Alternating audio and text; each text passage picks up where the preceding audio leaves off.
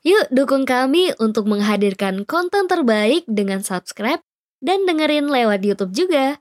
Link channel YouTube Podcast Cerita Sejarah Islam ada di kolom deskripsi ya.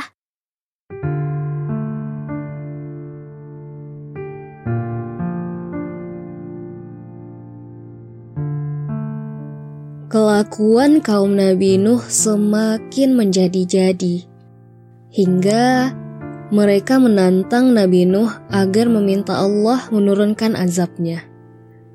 Mereka menyangka bahwa Tuhan yang disembah Nabi Nuh tidak akan bisa membinasakan mereka.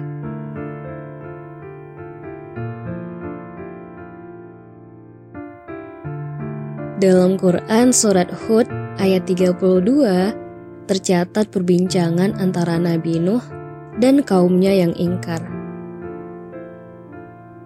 Mereka berkata, "Wahai Nuh, sungguh engkau telah berbantah dengan kami, dan engkau telah memperpanjang bantahanmu terhadap kami. Maka datangkanlah kepada kami azab yang engkau ancamkan jika kamu termasuk orang yang benar." Mendengar pernyataan seperti itu, Nabi Nuh menjawab, "Hanya Allah yang akan mendatangkan azab kepadamu jika Dia menghendaki, dan kamu tidak akan dapat melepaskan diri. Dan nasihatku tidak akan bermanfaat bagimu sekalipun aku ingin memberi nasihat kepadamu. Kalau Allah hendak menyesatkan kamu, Dia adalah Tuhanmu dan kepadanya lah kamu dikembalikan.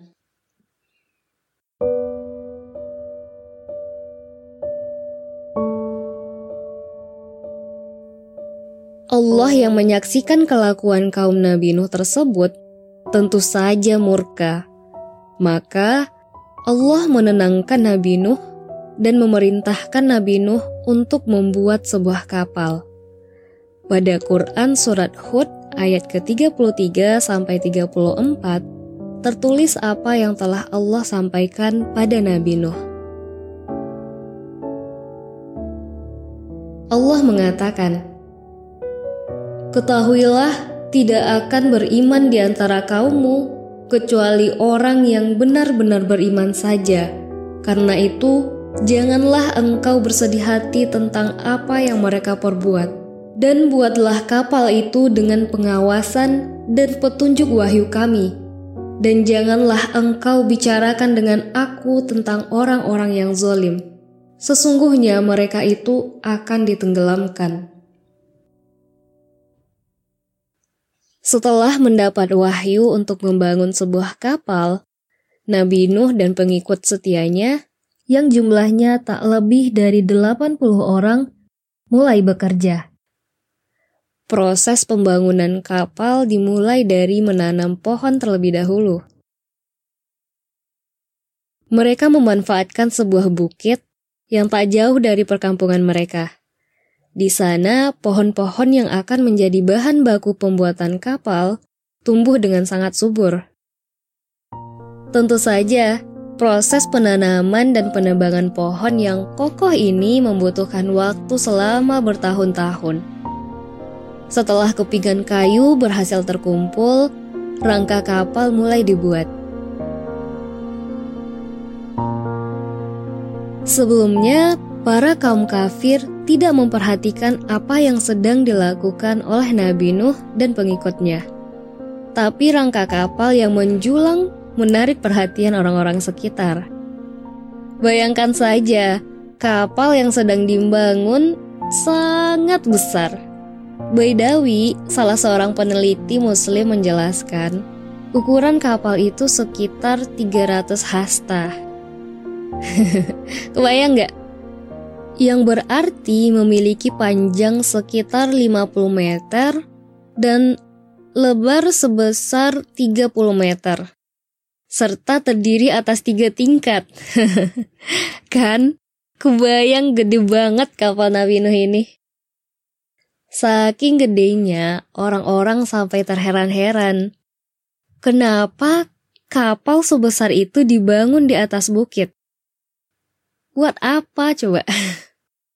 Bahkan kapal sebesar itu hanya layak berlayar di lautan. Sedangkan daerah mereka bahkan jauh dari lautan. Nabi Nuh dan kaumnya semakin dihina dan dianggap gila. Orang-orang bahkan sengaja datang ke puncak bukit hanya untuk menghina apa yang sedang dikerjakan oleh Nabi Nuh dan pengikutnya. Di tengah cemoohan seantero negeri, Nabi Nuh tetap melanjutkan pembangunan kapalnya.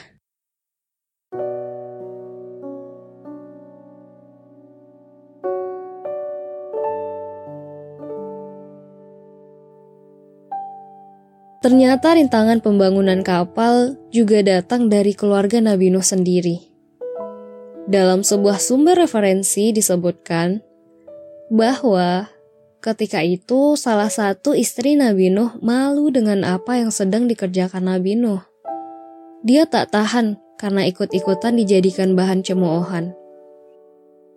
Wanita ini akhirnya meminta Nabi Nuh untuk menghentikan pembangunan kapal. Ia tidak percaya jika kapal tersebut akan ada gunanya. Nabi Nuh tentu saja telah berusaha semaksimal mungkin untuk meyakinkan istrinya. Pembangunan kapal tidak bisa dihentikan. Perintah Allah mutlak harus dilaksanakan. Ternyata wanita ini adalah ibunya Kanan. Ketika proses pembuatan kapal berlangsung, Kanon masih kecil dan menyusu pada ibunya.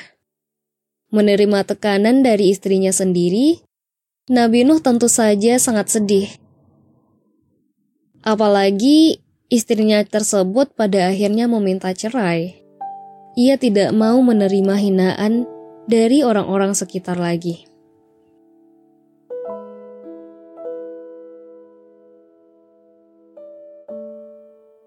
Perceraian akhirnya terlaksana, dan hak asuh Kanan jatuh pada ibunya. Padahal saat itu, Nabi Nuh benar-benar berusaha agar Kanan diasuh olehnya saja. Istri Nabi Nuh yang ternyata membangkang itu, tentu saja dijadikan sebagai bahan untuk semakin merendahkan Nabi Nuh. Hari demi hari berlalu, cemoohan semakin menggebu-gebu Sedikit demi sedikit, bentukan kapal semakin terlihat mengagumkan. Proses pembangunan kapal itu berlangsung selama 40 tahun. Ketika kapal sudah bisa dikatakan hampir selesai dan tinggal merapikan dan membersihkan beberapa bagian saja, cobaan masih tak hilang-hilang. Tiba-tiba saja, orang berbondong-bondong untuk membuang hajat buang air besar dan kecil di sana. Hal tersebut tentu saja menorehkan luka yang cukup dalam di hati Nabi Nuh dan pengikutnya.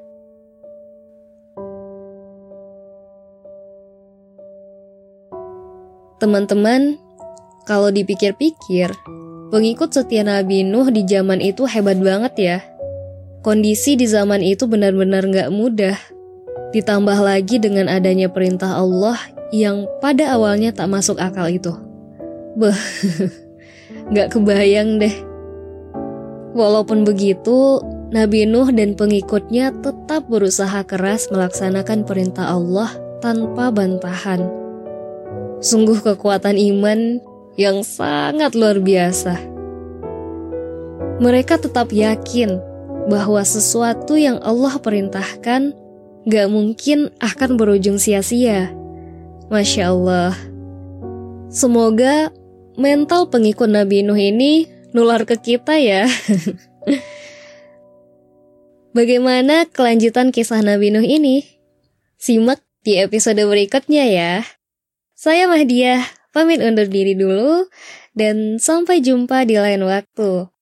Wassalamualaikum warahmatullahi wabarakatuh.